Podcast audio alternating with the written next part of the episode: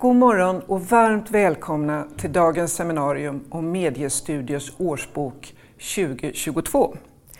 Det är åttonde året i rad som vi lanserar vår årsbok som handlar om tillståndet för journalistiken i Sverige, både lokalt och nationellt. I årsboken belyser vi några av de mest centrala frågorna inom svensk journalistik under året. Men här idag ska vi framförallt fokusera på några av dem. Ökar eller minskar redaktionsstöden?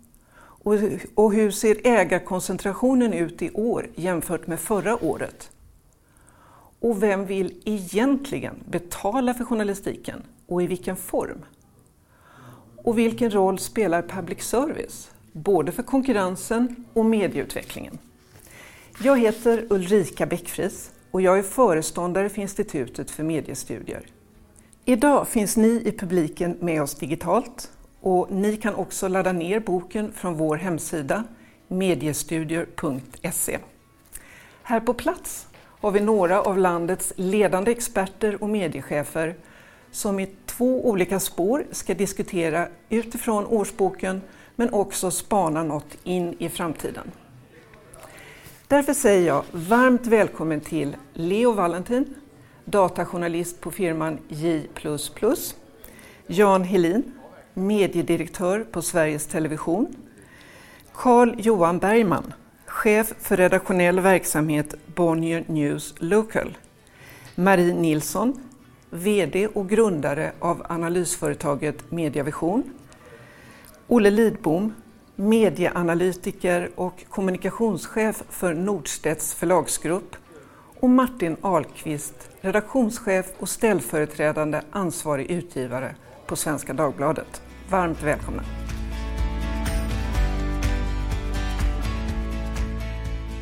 Leo Valentin, datajournalist och ansvarig för vår kartläggning av var i landet det finns lokala redaktioner och var de vita fläckarna finns, alltså kommuner som inte har någon redaktion alls. Du ska berätta både om hur din kollega Martin Olsson och du har gjort undersökningen och vad som hänt sedan förra året. Varsågod, ordet är ditt. Tack. Precis. Eh, kollegorna och jag på J++, eh, en liten datajournalistikbyrå, vi driver då en databas över var landets lokalredaktioner finns eh, på Uppdrag av mediestudier. Och den har vi gjort i sedan 2016 ungefär och nu står det 2015 på skärmen här. Eh, vi har bakdaterat den ett år också till början av 2015. Det här kommer från början från ett forskningsprojekt som Gunnar Nygren och eh, Katarina, eh, Carina Tenor gjorde på Södertörns högskola. Sen ärvde vi deras eh, lista över lokalredaktioner och har hållit den uppdaterad sedan dess. Eh, och det ska jag vara jättetydlig med att det vi mäter är var det finns redaktioner, inte vad medierna bevakar.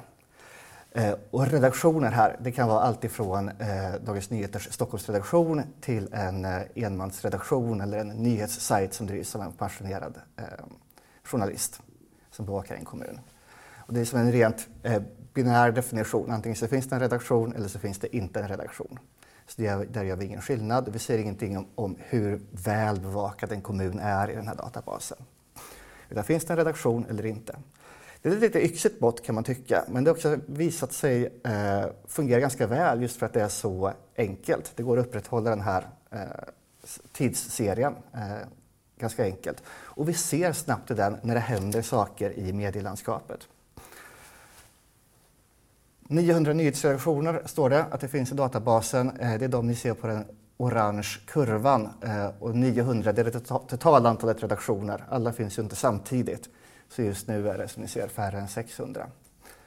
Eh, och 600 titlar just nu då kanske eh, lite mindre än 400. Eh, och här finns allt ifrån jättegamla eh, redaktioner eh, till eh, redaktioner som var superkortlivade. Vi har inte med eh, pop-up-redaktioner, typ så här Sveriges Radios pop-up-redaktioner, utan det ska finnas någon slags ambition i alla fall att vara permanent.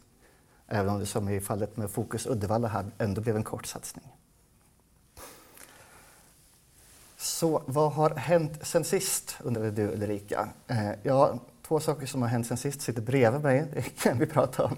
Dels, dels så har vi, ser vi en fortsatt ökad ägarkoncentration. Eh, eh den här kartan visar de fem största eh, lokaltidningskoncernerna Eh, återigen, vad det finns redaktioner, inte, inte bevakningsområden. Eh, det är Bonnier News Local, Gota Media, NVT, Stampen och NTM. Eh, som nu tillsammans äger över, över 60 procent av eh, redaktionerna i den här databasen, de fem bara. Räknar vi in public service-bolagen och alla redaktioner så blir liksom ägarkoncentrationen ännu större och den ökar ju. Och den här kartan är lite rolig också för den visar ju tydligt hur de här fem har delat upp landet emellan sig. Det är väldigt få kommuner nu som har representation från flera koncerner. Det är det ena. Och det andra som har hänt är eh, att nedgången i antalet redaktioner som vi såg under de första åren med den här databasen är bruten. Det här hände redan för några år sedan. Eh, då tänkte kanske jag i alla fall att det här var ett eh, tillfälligt trendbrott, lite dopat av eh, vita fläckar-stödet. MPRTs vita fläckar-stöd.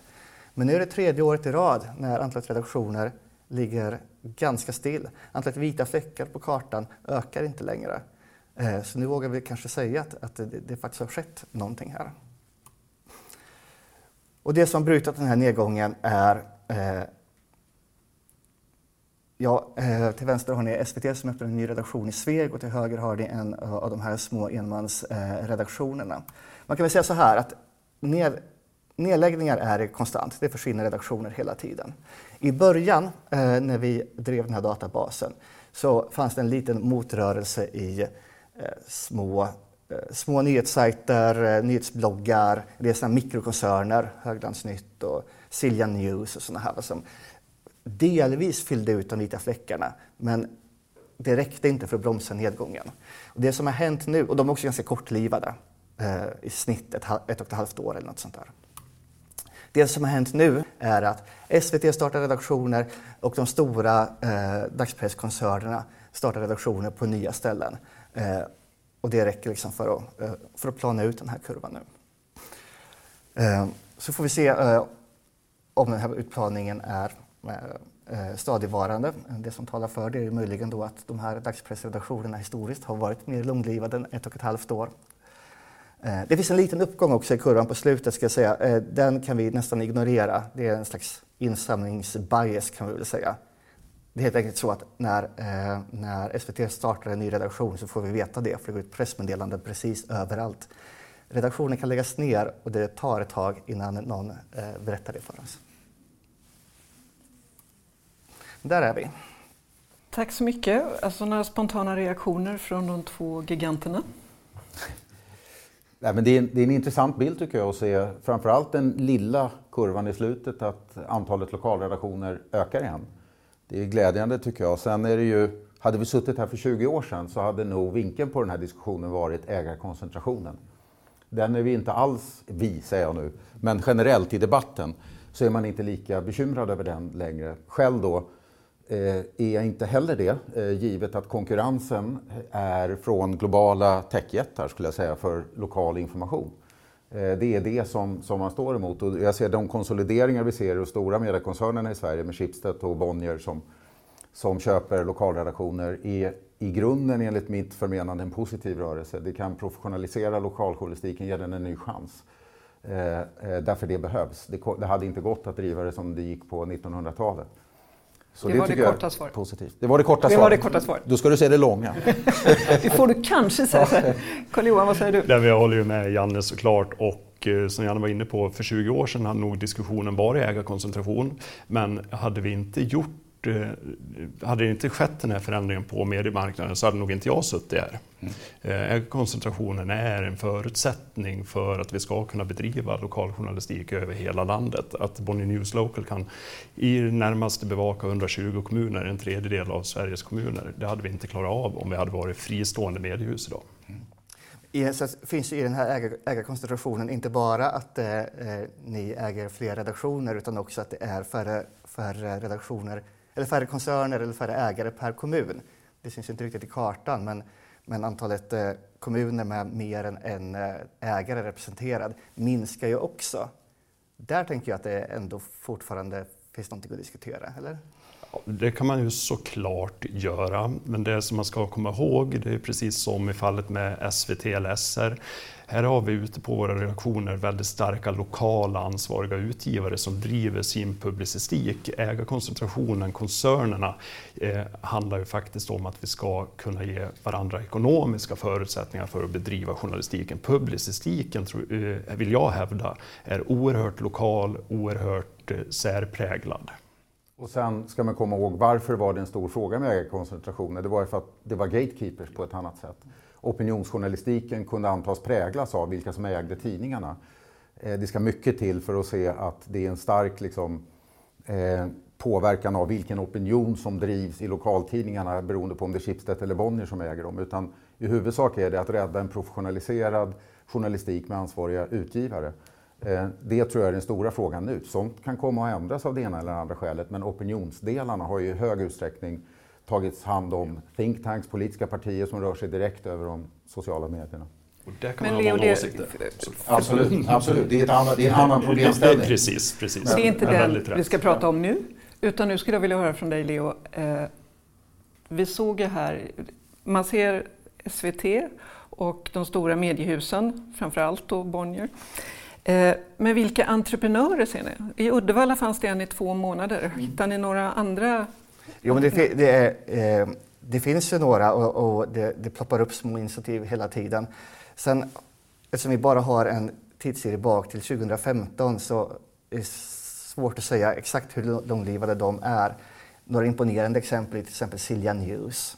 Vi har Markbladet som är en mikrokoncern i, i, eh, i Sjuhäradsbygden och som just har varit i någon slags eh, tidningskrig med Stampen dessutom. Så det finns några som, som faktiskt verkar ha en viss uthållighet. Och allt det här kan man läsa mer om just om Stampens kamp där. finns ju i ditt kapitel i boken som finns på vår hemsida. Eh, av de fem största mediehusen som dominerar landet är Bonnier News Local allra störst med 45 titlar och då tror jag att jag har räknat rätt. Har jag det Carl-Johan? Ja, i princip. I princip. Och där arbetar du, Carl-Johan Bergman, som en av cheferna för den redaktionella verksamheten och i den rollen är du chef för omkring 15 ansvariga utgivare spridda över hela landet. Och då är jag, och säkert fler med mig, väldigt nyfikna på, kan du inte berätta, hur gör ni när ni både centraliserar ägandet och försöker behålla en lokal annons, annonsmarknad? Oj, den, det här är, det är en jättestor fråga såklart, men, men på, eh, vi ser ju till att börja med så är våra titlar otroligt intressanta för annonsörerna fortfarande. Dels de lokala titlarna men också det ekosystem som Bonnier News utgör med DI, Dagens Eh, nyheter, Expressen och så vidare. Vi eh, är väldigt attraktiva och det visar ju också nu att vi faktiskt håller vår annonsbudget efter, eh, från Q2 fram till oktober. Novembersiffrorna har vi inte presenterat än, men där håller vi budget. Vi är fortsatt väldigt starka på den lokala marknaden. Det är ju tack vare att vi står för fri, oberoende journalistik. journalistik. Vi är en trovärdig förmedlare av nyheter och det lockar annonsörer. Och då är men ändå är det så att till våren ska ni gå ner i antalet utgivningsdagar för fem titlar och samtidigt är Örnsköldsviks Allehanda er mest lönsamma titel. Vad gör man i Örnsköldsvik? Vad är hemligheten där för framgången? Man kan säga att det är fem punkter. Ett, väldigt god journalistik. Eh, två, ett begränsat geografiskt område så man vet precis vilken publik man vänder sig till och vad den publiken är intresserad av.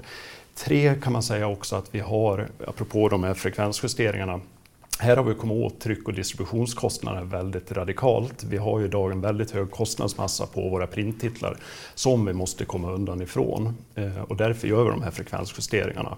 Eh, fyra, prenumeranterna stannar kvar. Eh, otroligt viktigt, det är läsarbasen som vi i mångt och mycket måste leva på framåt.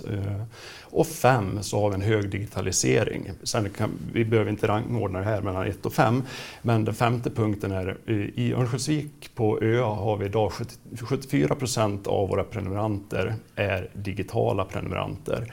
Och det är ungefär 8 500 som har någon form av digitalt abonnemang hos oss. Den marginalen som vi får på dem eh, ger oss en väldig trygghet i att kunna fortsätta utveckla journalistiken. Och eh, nu är inte den ansvariga utgivaren här så jag ska inte lova något men det ger oss förutsättningar för hållbarhet skulle jag vilja säga.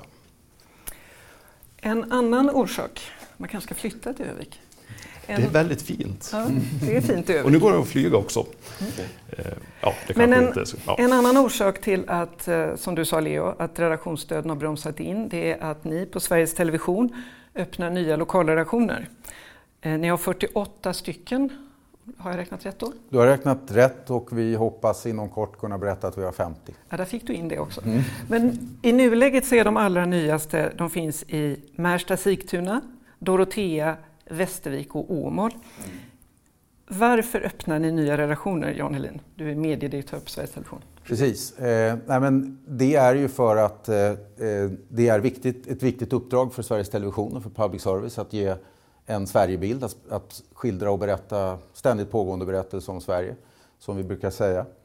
Eh, och när vi tittar på var vi vill öppna eh, lokalredaktioner så tittar vi på några aspekter och naturligtvis är vita fläck-kartläggningen en, en, viktig del. Eh, och det kan handla om, som några av fallen du räknar upp, typ Åmål, Dorotea, Sveg och sådär, eh, glesbygd eh, som eh, eh, är underbevakad helt enkelt. Men vi tittar också på hur tar vi oss ut i eh, regioner utanför Stockholm som har stark tillväxt. Skellefteå skulle vara ett exempel, Kiruna ett exempel. Där, där det är viktigt med lokaljournalistik. Och den tredje som, som vi har, eh, som du nämnde, Märsta, Flemingsberg, Rinkeby, Angered. Eh, det är helt enkelt eh, eh, sociodemografisk aspekt på vita fläckar. Vilka berättelser berättas inte i, i liksom tillräckligt hög utsträckning? Och den, det är också en, en, en viktig aspekt när vi bedömer var ska vi öppna lokalredaktioner. Och då är det en vit fläck i Dorotea där det bor 2 500 personer, mm. varav hälften i tätorten. Mm. Och samtidigt så skriver du och Martin Olsson i ert kapitel att allra glesast är det i kranskommunerna till storstäderna. Mm.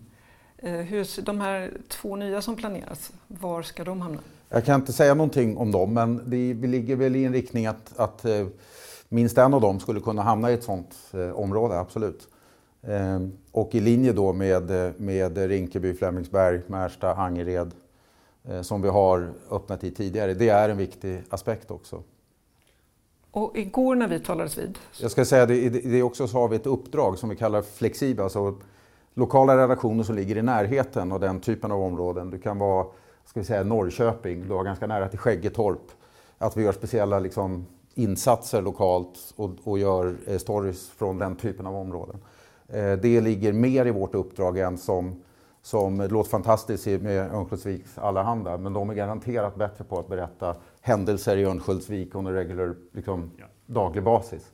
Eh, vi gör mer egna saker och som vi försöker ibland, då, ibland lyckat, ibland mindre, men försöker aggregera upp dem till nationell nivå så du får ett lokalt perspektiv på en fråga som vi försöker lyfta i vårt nätverk med riksnyheterna upp på, på nationellt.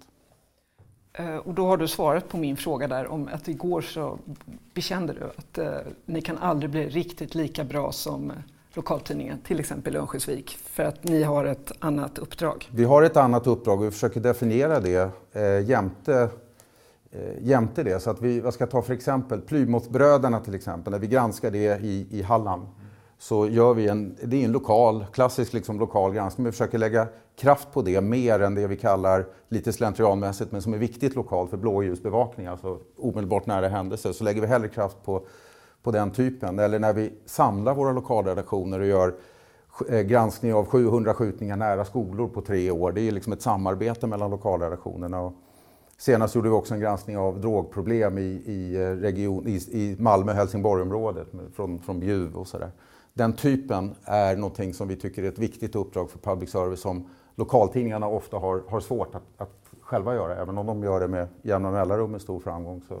Hur vill du kommentera det? Eh, jag kan ju bara hålla med och jag tycker det är väldigt bra att vi differentierar vår journalistik. Eh, public service kontra kommersiella lokaltidningar. Eh, det är väldigt skönt att höra att vi, vi tänker åt det hållet. Mm.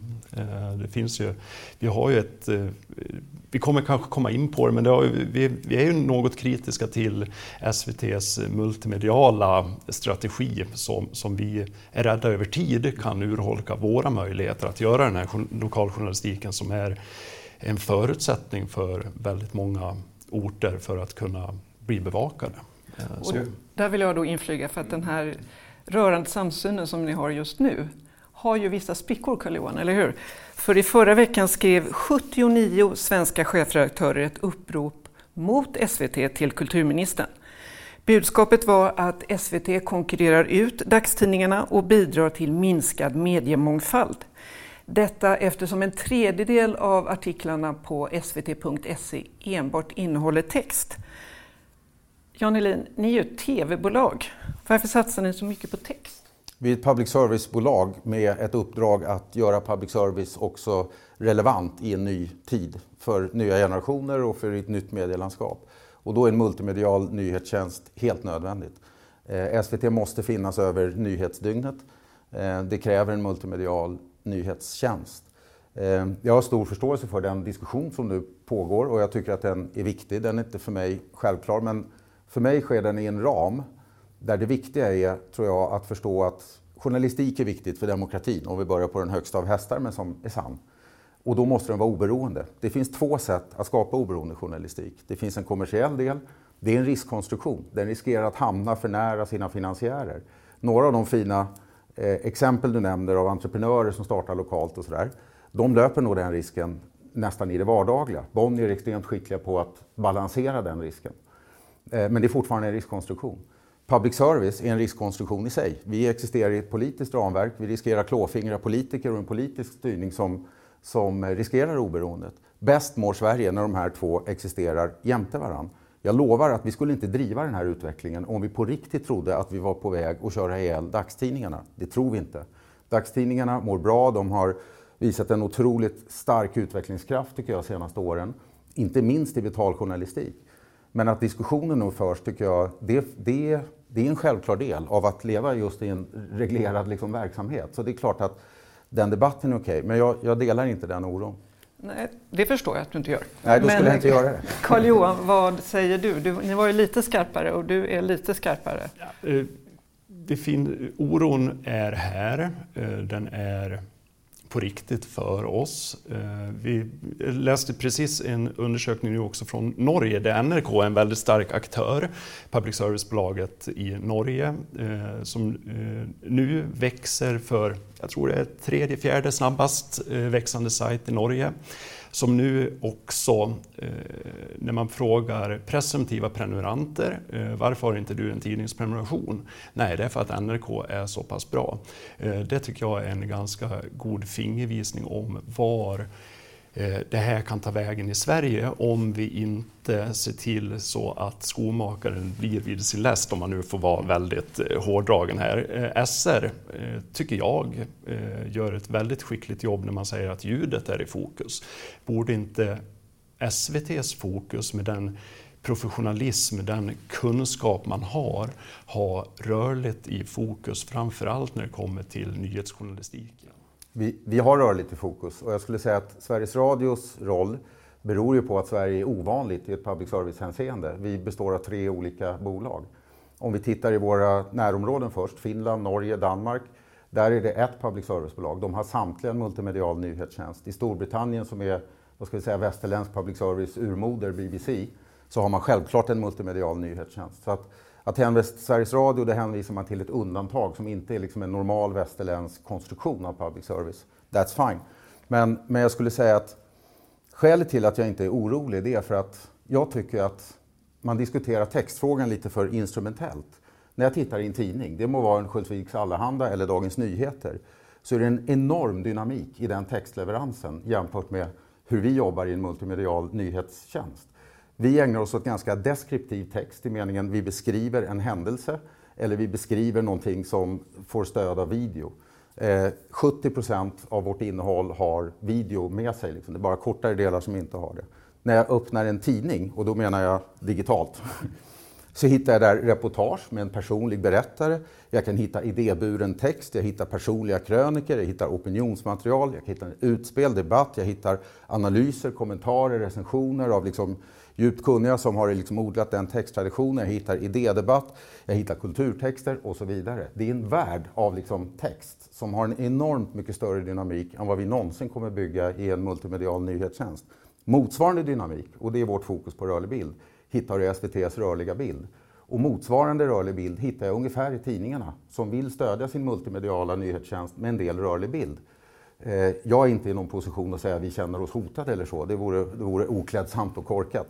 Men vad jag menar är att relationen mellan de här multimediala nyhetstjänsterna förhåller sig på det sättet. Tidningarna är helt överlägsna i sin dynamiska liksom, leverans av text och eh, public service eh, behöver i den meningen bli vid sin läst. Vår dynamik finns i rörlig bild, men vi är helt beroende av för att kunna ha en funktionell multimedial text, eller eh, nyhetstjänst. Men, att, att men Jan, text. jag måste bara säga, du säger att du är inte oroad. Nej, det förstår jag att du inte är. Men det här uppropet handlade inte om SVTs oro, utan om de här ja. 79 ansvariga utgivarna, som har ett ganska intressant exempel som de hade låtit en byrå mäta, att av de 15 procent av alla som säger upp eh, en digital tidningsprenumeration gör det med hänvisning till SVTs digitala utbud. Det är väl där oron finns? Eller hur vill du ja, kommentera? Eh, så är det ju. Och uppfattningen också, om vi ska vara riktigt ärliga, att eh, SVTs journalistik i det här fallet är gratis. Eh, det är den ju de facto inte, utan man betalar ju den eh, ganska rejält eh, varje år. Så jag tycker det är ett tydligt exempel på att vi behöver fortsätta den här diskussionen, ha respekt för varandra, se hur kan... Jag tycker de här exemplen som du lyfte, Janne, med de granskningar ni gör, det är ju fantastiskt bra. Eh, det mår vi bra av som samhälle.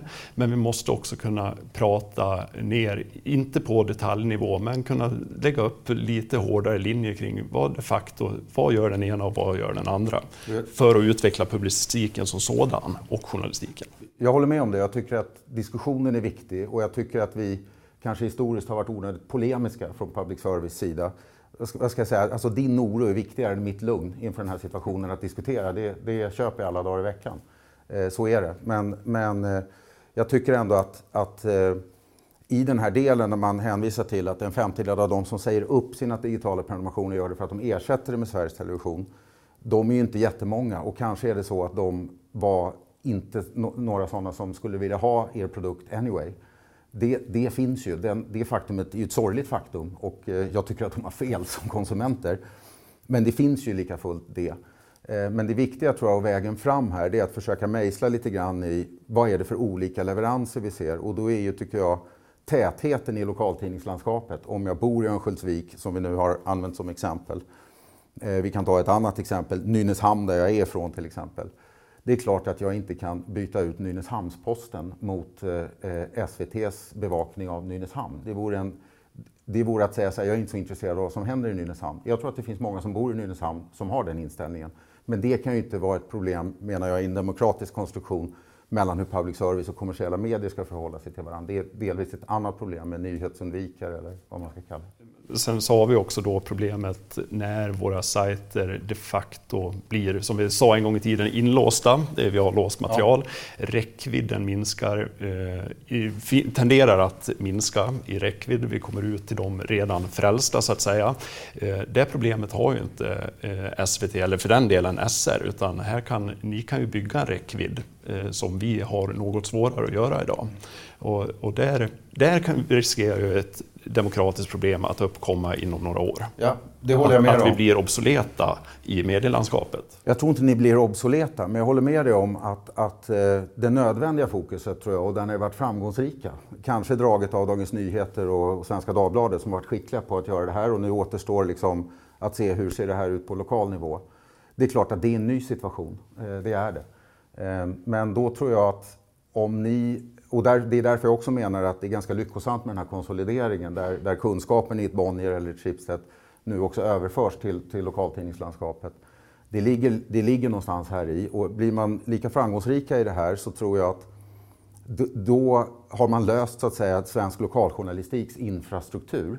Men det är sant att du har en annan situation därför att det inte är räckviddsmedier längre. Det är bara att titta på utvecklingen av, av Dagens Nyheter och Svenska Dagbladet. De är allt mindre grad räckviddsmedier. De är tydligt målgruppsmedier. Eh, på gott tycker jag. Det är en massa kvalitetsjournalistik som kommer ut. Så det är, inte, det är inte någon kritik mot den journalistiska produkten. Men ur ett demokratiskt perspektiv får de delvis en annan funktion. I min värld så stärker det public service räckviddsroll. Det blir ännu viktigare att public service tar hand om räckvidden och, och når ut. I takt Men ni, gör ju, ni har ju inte samma ekonomiska villkor. Jag måste ändå backa till det. Att eh, det är nya grupper som kommer in. Alltså det låter alltid så bra tycker jag. Och jag förstår dina argument, jag förstår dina argument, men det är också så att den här kritiken inte är ny från tidningarnas sida. Och det är en konflikt som finns på flera håll i Europa. Så du sa förut att ni, du tycker att ni historiskt har varit för polemiska. Mm. Eh, hur tänker du framgent nu? Nu är det lite drygt halvtid i sändningstillstånden. Det ska tillsättas en utredning för public service sändningstillstånd. Och det är därför, det är ju det är inte slumpen som gör att eh, de här ansvariga utgivarna skriver just nu. Eh, hur går snacket i tv-korridoren? Vad tänker ni göra? Nej, men vi tänker fortsätta utveckla den multimediala nyhetstjänsten. Det är liksom vår, jag vill vara tydlig med det. Eh, skulle det vara så, då tycker jag att vi har en annan diskussion. Om det skulle vara så att vi har en utbredd, det trodde jag på riktigt för tio år sedan, så trodde jag att vi skulle se en utbredd tidningsdöd. Det har vi inte riktigt sett. Vi har sett obehagliga tendenser och det har funnits tidningar som har liksom dukat under. Men det är inte så att det svenska tidningslandskapet håller på att förgås. Det är inte så. Vi kan vara en känslig del av liksom historien och utvecklingen nu där vi måste hitta en ny balans. Och vad jag menar att vi har varit polemiska tidigare så menar jag så här, ja i den här situationer så tycker jag att vi ska ha en mer öppen, diskuterande och resonerande liksom, hållning. Och förstå att det här är en, en balans. Ehm, och jag förstår att jag är, sitter på, på en finansiellt liksom, säkrare sida, än så länge. Det är inte så att, att eh, det här är givet för alltid. Det är ju också oftast en lite naiv svensk utgångspunkt i mediesammanhang att public service sitter idiotsäkert och det verkar helt lugnt.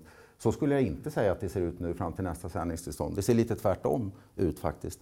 Jag blev väldigt kritiserad när jag sa i diskussioner till EU eh, att det liknar en dansk situation. Och det är ganska mycket som i svensk politik idag är rent beundrande, öppet beundrade så att säga för en dansk situation. I Danmark hade man en situation där, TU, där motsvarigheten till TU i Danmark plötsligt blev inlämnad i en politisk kontext som jag är osäker på om de faktiskt ville.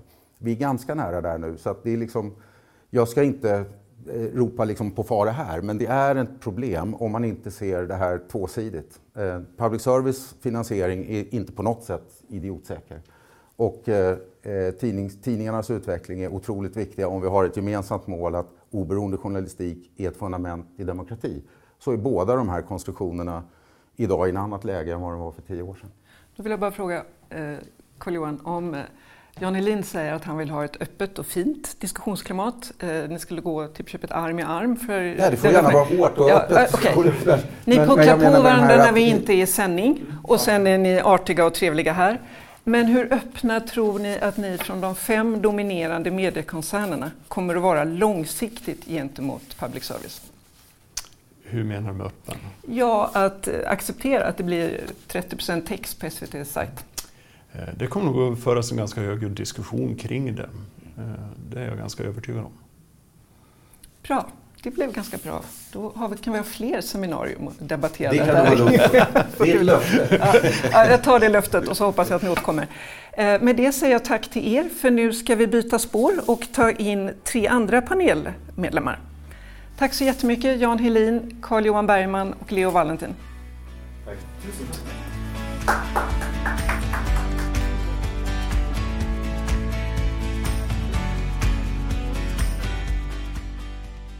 Så, då har vi en ny panel på plats och jag säger varmt välkommen till Olle Lidbom, medieanalytiker och kommunikationschef på Nordstedts, Marie Nilsson, VD och grundare av analysföretaget Mediavision och Martin Ahlqvist, redaktionschef och ställföreträdande ansvarig utgivare på Svenska Dagbladet. Innan vi går in på det som ni ska prata om så skulle jag bara vilja höra, ni hörde ju debatten tidigare, vad ni tar med er och då börjar jag med dig Martin. Vad tar du med dig från diskussionen? Eh, lite igenkänning. Debatten om eh, public service eh, vara och, mm, och funktion i förhållande till de kommersiella medierna har, vi som har varit med ett tag har hört den ett, ett antal gånger. Den har lite olika, tar sig lite olika former men det innebär ju inte att den inte är aktuell. Utan det, det ska bli intressant att se den fortsätta diskussionen kring det. Svenska Dagbladet är ju en, din chef är ju en av de chefredaktörerna som har skrivit ja. på uppropet. Så är det.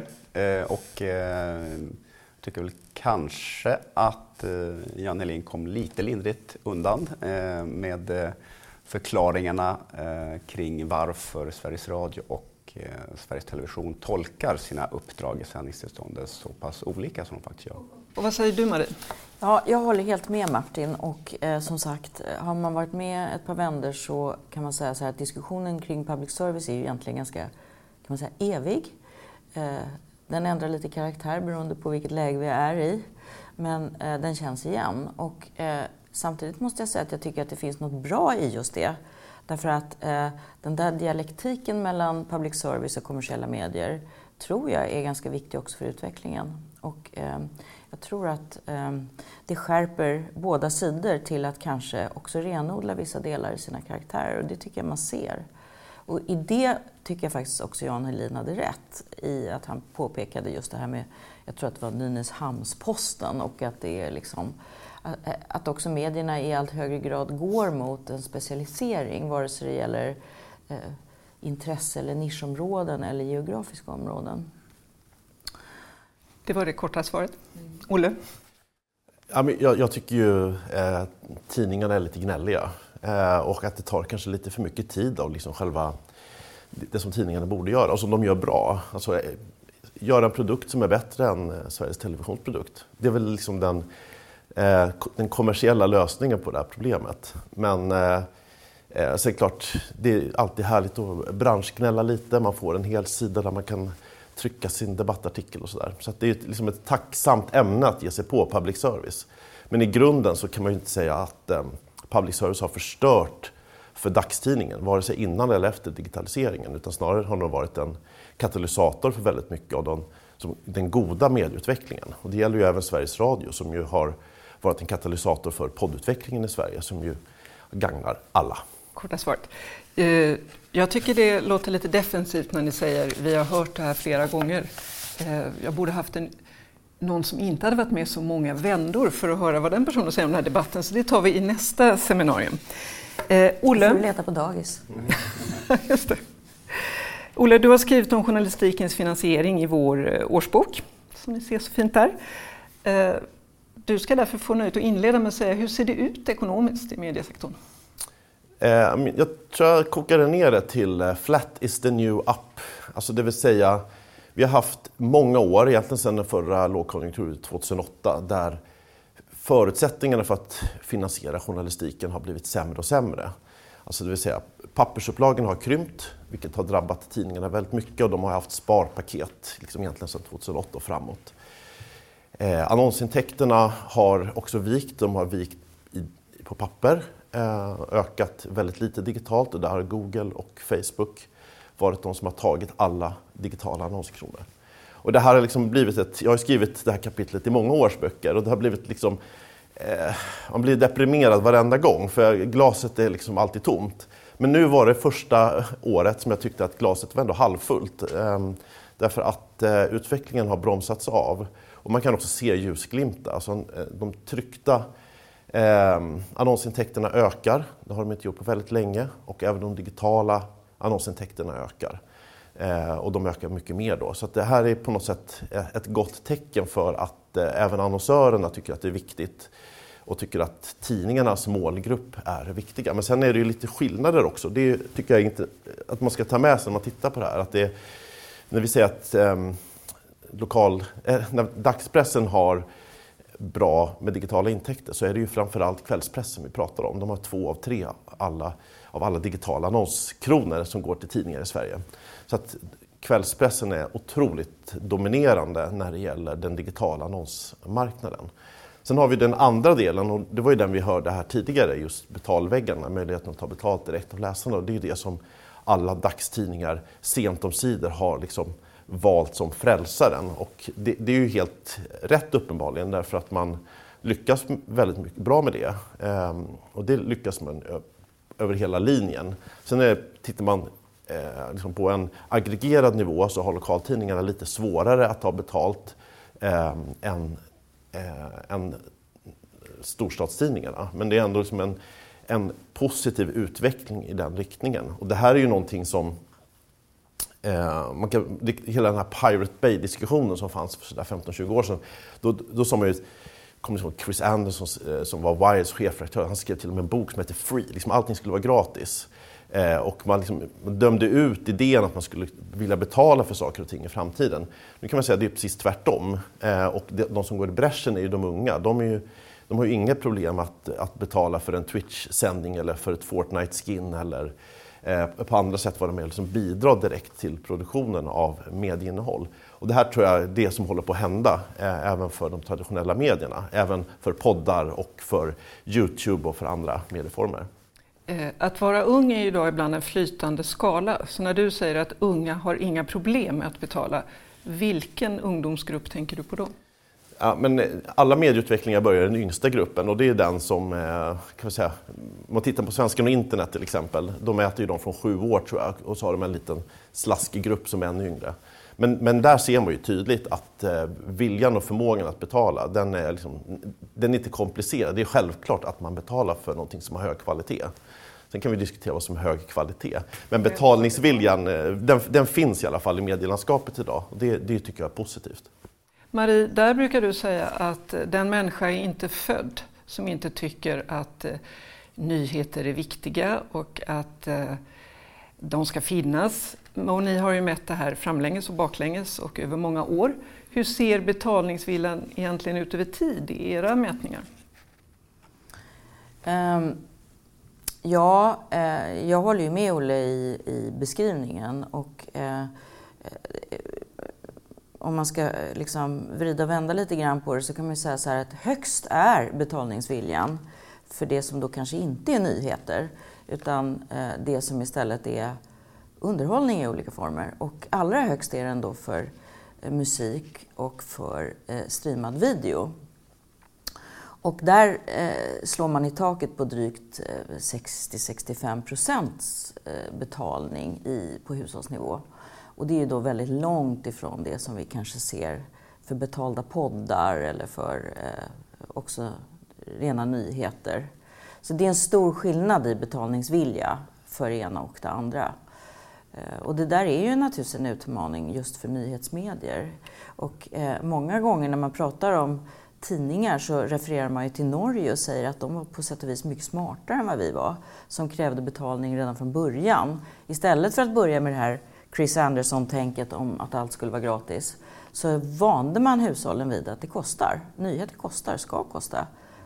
Och man kunde inte heller köpa en tidningsprenumeration utan att få en så kallad pdf, då, kopia, inkluderat till ett högre pris. Och jag måste säga, med eftertankens kranka blekhet, så tycker jag faktiskt att Norge gjorde helt rätt. Och att vi har liksom, eh, en viss uppförsbacke i att lära folk det Finns den uppförsbacken fortfarande, Martin? Som ingår, svenskan ägs ja, alltså, om, man, om man inte gör det rätt. Man behöver problematisera lite grann det här med, vi säger eh, att ta betalt för nyheter. Eh, vi ser ju att, eh, att ta betalt för den rapportera, rapporterade nyheten, det är väldigt, väldigt svårt. Eh, att ta betalt för en sofistikerad fördjupning, att ta betalt för en berättelse av saker som ligger i nyhetssegmentet i nyhetsflödet, det är en helt annan sak. Eh, man kan inte räkna med att eh, bara berätta vad som har hänt och tro att man ska få betalt för det. helt enkelt. Det behövs eh, ytterligare en eller två nivåer ovanpå det. Och det är ju en, det är en utmaning, men också om man är publicist så är det någonting väldigt, väldigt roligt att man ser att de publicistiska och affärsmässiga utmaningarna går, går hand i hand här. När Torbjörn Nilsson och Maggie Strömberg vinner Stora journalistpriset för ett, eh, en serie artiklar som eh, sammanslaget är mer eller mindre en bok. Mm. Då, då ser vi att det är inte bara ett pris man vinner där, vi ser också ett enormt inflöde av nya prenumeranter mm. på just den, det publicistiska jobbet. Och det, det, är väl där någonstans som jag hittar min optimism inför framtiden. För då tycker jag det är intressant att du pratar om det affärsmässiga och det publicistiska lite hand i hand. För just Svenskan, och det är andra tidningar som har så också, ni har flera olika poddar och erbjuder läsarna allt från konst och kulturresa till Japan för 70 000 kronor till en kurs i att tälja med yxa och kniv för 500 kronor. Eh, rent ekonomiskt, varför är det så viktigt att vara mer än en tidning? Ja, eh, tidningar har ju alltid sökt olika sätt att finansiera eh, journalistiken. Eh, och eh, det har varit olika viktigt i olika faser. Eh, annonser och läsarintäkter har varit de stora. Kringförsäljning har varit en, en liten del, men varför inte? Eh, men helt klart är det så att den eh, framtiden, eh, så som den ser ut nu, det, det, är ju i läsarintäkterna. Det är digitala läsarintäkter, det är där vi ser ökningen. Eh, och, eh, vi hade ju ett krav på oss att, vara digitalt, att bli digitalt lönsamma och det är någonting som Svenska Dagbladet har uppnått. Eh, så att, eh, eh, jag vet inte om det var svar på frågan? Lite runt omkring, ungefär som jag trodde du skulle svara. Ja, men, men det, det, kokar ju ner till journalistiken. Gör vi inte tillräckligt bra journalistik så kommer det inte Men var ligger tälja med yxa och kniv? Hur får du den att takta med det publicistiska uppdraget? Jag vet inte om du behöver göra det lika lite som en annons behöver göra det. Vad säger du Marie om det? Ja, jag vet inte om det kanske är en del av eh, hela det här community-tänket. Att man ska vara liksom lite medlem till Svenska Dagbladet mm. eller eh, att det skapar en slags vi-känsla kring det där och att det är någonting som är så ganska allmänt spritt idag, den tanken. Och den eh, är väl också, tycker jag, har bäring in i nästa fas då som man skulle kunna se framåt och det är ju den här eh, bredden i erbjudandet, återigen tillbaka till olika typer av paketeringar. Vi ser ju att de absolut största globala aktörerna, det är ju de som har ett större utbud än att de är bara eh, enkelriktade till en tjänst. Eh, utan de rör sig över ett stort fält av medier och tjänster. Och det här kanske är, är de svenska aktörernas eller de nordiska aktörernas sätt att, att förhålla sig till det där, att skapa ett ett community eller ett universum som är större än den egna eh, grundprodukten. Där kan man även eh, ta in poddsatsningarna ja. i den diskussionen. Ja. För att vi märker ju att eh, eh,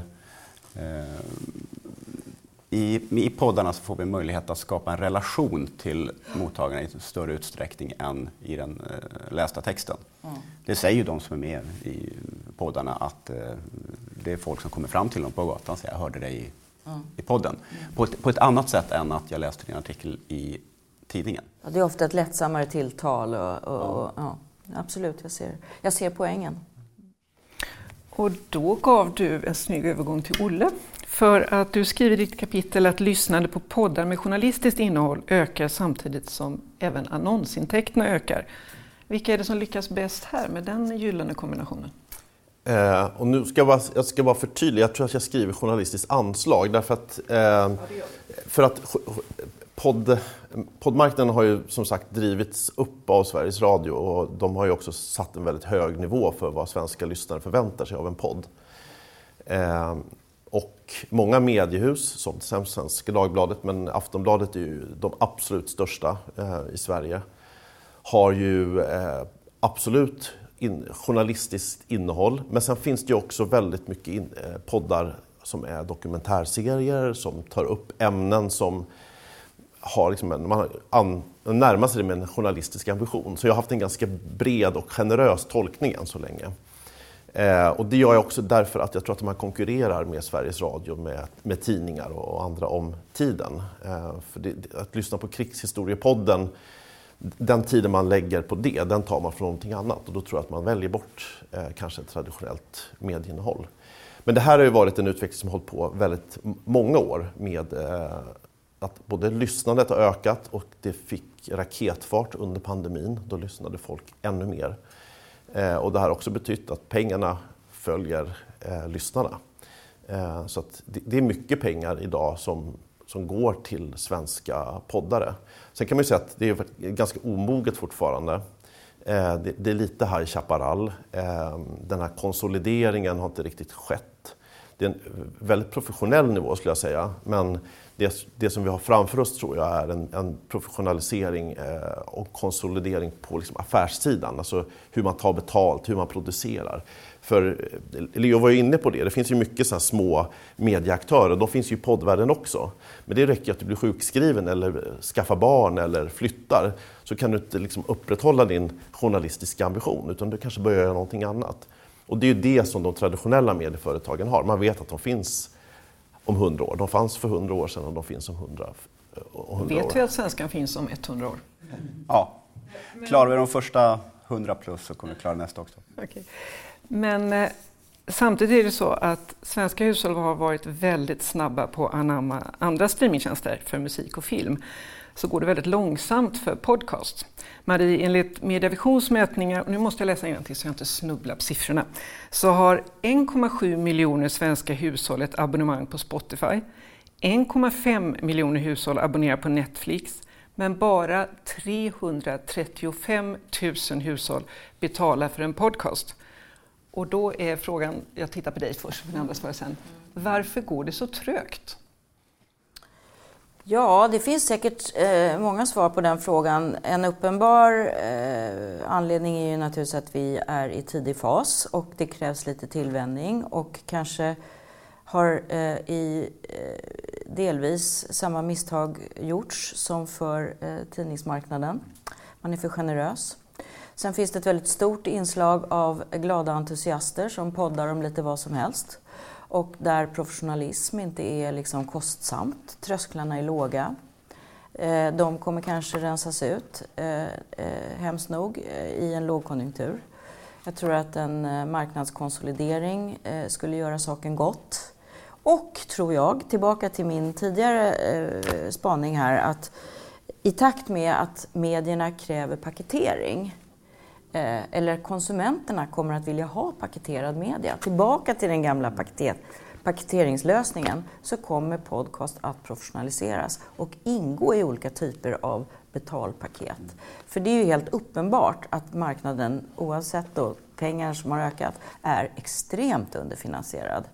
Och eh, så kan vi ju inte ha det eh, eh över långliga tider. Eh, även om både annonsintäkterna och till viss del betalintäkterna faktiskt har ökat. Men det är fortfarande alldeles, alldeles för lite pengar. Ja, det är ju eh, den stora, stora frågan. För att på ja. sikt så måste ju alltså all kvalitetsjournalistik som produceras måste ha en läsarintäkt. Ja. Och det, eh, det, är inte, det är inte jättemånga år sedan som eh, man sålde ut prenumeration på papperstidningen och det var alltid 50 rabatt. Mm. Och det lämnade man och sen så gjorde vi samma sak med den digitalt mm. eh, distribuerade journalistiken. Och, eh, och nu är vi där med, med podd. Men där är det också att det är ju en, en enskild aktör som, eh, som till exempel Svenska Dagbladet kan ju inte göra den utvecklingen själv utan det här behövs ju ett motsvarande eh, förflyttning. Att, liksom, mm. att nu, nu är inte det här gratis längre. Eller det paketeras med någonting som kostar. Ja, vi gör ju experiment därifrån. Det är ingen hemlighet att eh, Podme ligger i, mm. ägs av Schibsted. Och vi, man, det, det, är väldigt mycket testande, se vad som funkar och som inte funkar. Mm. Men just det här, när, när, när är kvalitetspoddmaterial framför allt eh, eh, betalt? Är det om ett år, tre år eller fem år? Det mm. spelar ganska stor roll för utvecklingen. Du vinkade där, Olle ville säga ja, jag, jag tänkte bara kroka i den de, debatten som vi hade här mellan tidningsutgivarna och Sveriges Television. Därför att eftersom Sveriges Radio har varit så dominerande och, och fortfarande investerar så enorma pengar i poddar. Så förutse, säga, en, en gissning här och en spaning, en förutspåelse är att eh, de kommersiella poddaktörerna som Podmi eh, och andra kommer ju gå ihop och säga samma sak till Sveriges Radio som tidningsutgivarna säger till Sveriges Television. Det här är inte rättvist. Ni tar våra lyssnare, ni tar våra pengar, ni tar våra eh, innehållsskapare, journalister, ni tar våra skop. Eh, nu får ni backa. Nu har ni gjort ert. Nu är det vår tid att bedriva en kommersiell eh, poddverksamhet. Och det, jag tror att vi, vi närmar oss den punkten eh, i takt med att det kommer en lågkonjunktur och också då en, ett ökat behov av en professionalisering. Du vinkade där Marie, vad skulle ja, du säga? Jo, därför att jag skulle vilja, eh, jag håller helt med dig i sak, men det är en stor skillnad på det som är poddar och det som är rörlig bild. Eh, och det är att i Sveriges Radios fall så kan vartenda radioprogram så fort det har sänts bli en podd. Och det tror jag inte att någon debattartikel skulle kunna förhindra. Det går helt enkelt inte att säga till Sveriges Radio att ni får inte köra library-innehåll timmen efter. Och så fort du gör det så är det idag definitionsmässigt en podd. Så att jag tror att det är lite kitsligare på, på ljudsidan än vad det är på bild faktiskt. Men ni måste väl tycka att, det, att ni konkurrerar? De måste få göra radio. Ja, fast det, fast det finns ju en, en Har du ingen skillnad här. debattartikel?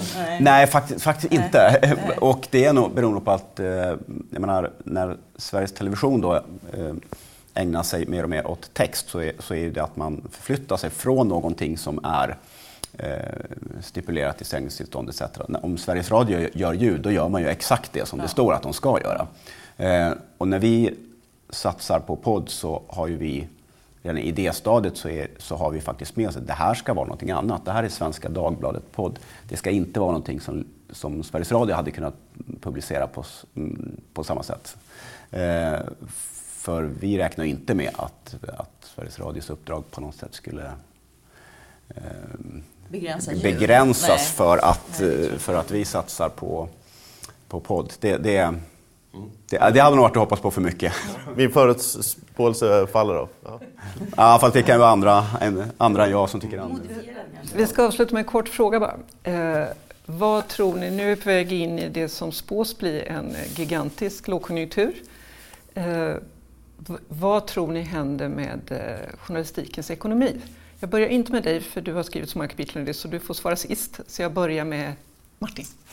Ehm, ja, men jag får väl välja att vara optimist igen då. Jag tycker det är, det är fantastiskt skönt att ändå man, när man går in i, i tuffa tider att vi har utvecklingen bakom oss med allt eh, stabilare eh, digitala användarintäkter. Det är någonting helt annorlunda än om jag hade stått här och varit eh, mestadels annonsberoende. Marie?